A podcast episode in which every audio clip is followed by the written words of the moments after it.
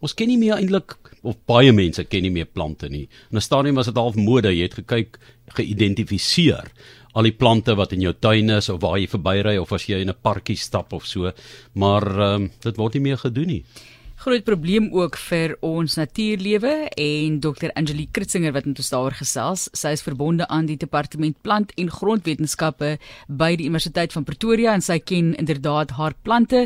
Maar plantblindheid, dokter, kan jy dit vir ons definieer asseblief? Kyk, ek ken nie my plante baie goed nie, maar ek ek kan so 'n idee van 'n varkeblom hier en daar wat 'n mens in jou omgewing dalk ervaar in die winter, maar wat definieer jy as plantblindheid? Uh goeiemôre en goeiemôre aan al die luisteraars, luisteraars, ekskuus. Um ja, so ons praat van plantblindheid. Dit het nou onlangs het die term verander na wat hulle in Engels noem plant awareness disparity. En dit gaan eintlik maar meer daaroor dat mense deesdae nie meer regtig die plante om hulle sien nie. As hy nie 'n mooi blom het nie of um hy is nie reg daar in jou huis nie, dan kom mense nie regtig agter dat daar plante in hulle omgewing is nie en mense weet ook nie regtig meer waar hulle kos vandaan kom en um hoe belangrik plante eintlik is nie. En as gevolg van hierdie plantblindheid wat ons ondervind, um het ons baie probleme met mense wat nie meer belangstel daarin om plante te bestudeer nie en dit het 'n in, uh, invloed op die professionele mense wat ons um, het op die einde van die dag om wel met plante te werk en ons verloor al ons plantkennis op die einde van die dag. Wye impak op ons flora op die fauna dan ook in die hele siklus wat 'n mens ervaar. Jy weet dokter mens dink byvoorbeeld net aan iets eenvoudig soos en ons het al 'n paar keer daaroor gesels soos die feit dat baie mense besluit om areas te teer op hierdie stadium of om baksteen te lê want jy spaar water, daar's minder probleme om 'n tuin te onderhou, maar dan weer eens is daar nie 'n geleentheid vir die water om opgevang te word, grondwater om aangevul te word nie. Dit loop hier in die strate af as jy dink in die beboude areas hierso waar ons sit in Seepunt byvoorbeeld. So dit is 'n baie wyeer onderwerp net as ek ken nie my plante nie, want as jy nie jou plante ken nie, dan gee dalk op 'n bietjie minder om van die habitat en die belang daarvan. Ja, dit dit is absoluut waar. Ehm um, hulle het uh, so 'n uh, hele paar jaar terug in die FSA navorsing gedoen en gesien dat meer as 75% van ehm um, alle spesies wat ehm um, besig is om uit te sterf plante is. Maar net 4% van die geld wat hulle gee vir bewaring gaan baie spesifiek om plante te bewaar. Meeste van die tyd is dit diere want mense gee nie so baie om vir plante nie. Um hulle het baie meer simpatie met diere. Um en en dit veroorsaak 'n baie groot probleem in in ons bewaringsstrategie want dit help nie net om te probeer om byvoorbeeld 'n leeu te bewaar of 'n panda te bewaar nie want as jy nie die gras of die bamboes wat die panda eet ook bewaar nie, gaan jy nie op die einde van die dag regtig 'n groot impak maak nie. So die feit dat ons nie die plante sien nie, um is regtig 'n groot probleem en dit 'n impak op so baie goeders wat ons doen op die ou einde van die dag.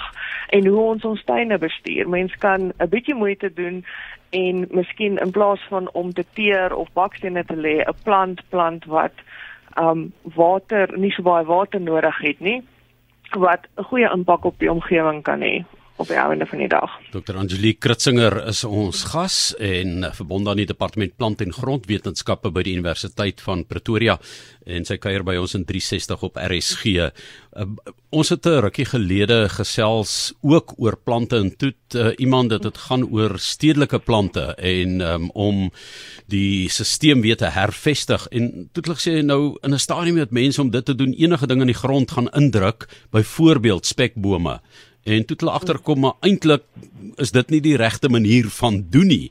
So watter beplanning moet 'n mens doen om dan die regte plante in te kry en nou het jy nog daai dispariteit ook uh, waar jy jy weet nie eers plante ken of raak sien nie. Is daar genoeg kennis? Is daar genoeg mense wat jou gaan help en vir jou gaan sê watse plante dit is en waar dit moet kom en wanneer jy dit moet plant en hoe jy dit moet plant en al daardie dinge? Ehm um, ja, ek dink ons ons ons het die kennis. Ehm um, daar is baie mense veral by universiteite en botaniese tuine en mense wat as ekoloog werk wat regtig die kennis het om vir mense kan sê, jy weet hier is die regte plant om te plant vir die omgewing waarin jy bly. Hierdie is inheemse plante wat nie indringers gaan word nie. Dis 'n baie groot probleem wat ons het. Mense weet nie altyd wat indringerplante is nie en hulle plant hom in die tuin want hy's mooi en dan ontsnap hy in die veld en en dan neem hy alles oor. So ons het die kennis, die kennis is daar, maar die probleem is die mense wat op die oomblik in plantkunde werk is besig om by aftree ouderdom te kom.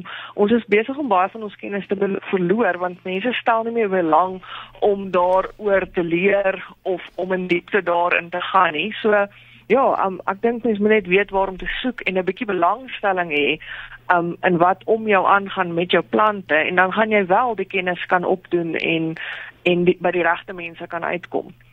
Kom ons gesels gevindig oor die ommekeer daarvan.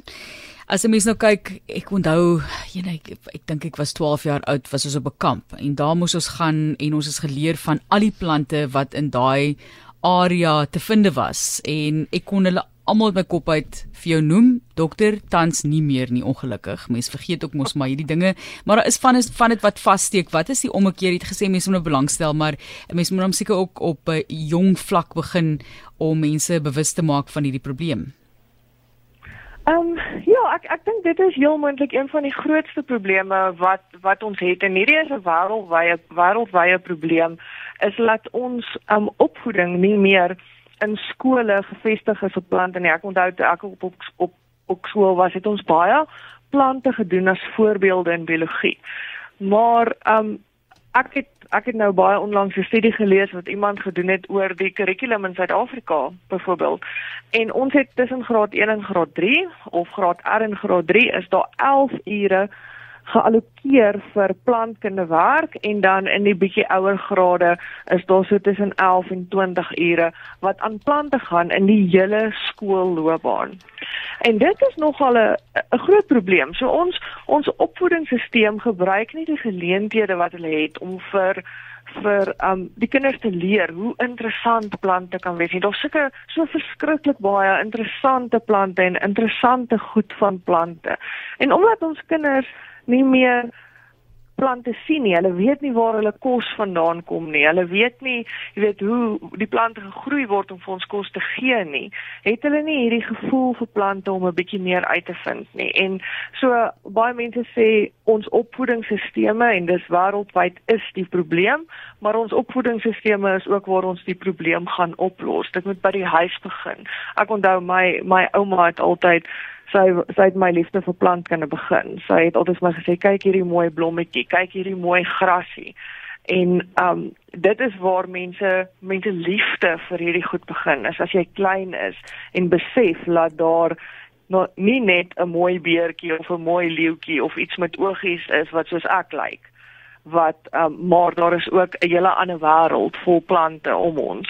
So ja, ek dink um ja, uh opvoeding of education daai vroeg begin as hulle baie klein is is waar ons die probleem gaan begin aanraak. As 'n mens so uh, Dr. Angelique gaan kuier iewers in die berg of saam met 'n ouma of 'n uh, jy weet iemand loop wat 'n kenner is soos Martelies nou toe sy 12 was, dan is mense geneig om te dink as jy nou daai plantjie saamvat en plant in jou tuin wat nou 300 km af vandaan of in 'n ander provinsie of van 'n ander klimaat, dan is mense dikwels baie teleurgestel. Want is of nie 'n rypvrye area nie of jy weet daar is genoeg reënval nie, is 'n somerreënvalstreek.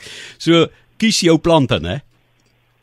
Ja, dis dis baie belangrik en dis hoekom ons so baie botaniese tuine het, want mense kan by 'n botaniese tuin vir die mense daar gaan vra wat gaan goed in my tuin groei en die mense wat in die kwekerye werk het gewoonlik baie goeie kennis oor wat goed gaan groei in jou omgewing in jou tuin um, wat nie baie water noodwendig gaan nodig hê nie. Um, maar ongelukkig wil ons baie keer altyd vir die baie mooi plantjies gaan en dit is nie wat altyd wat gaan werk nie.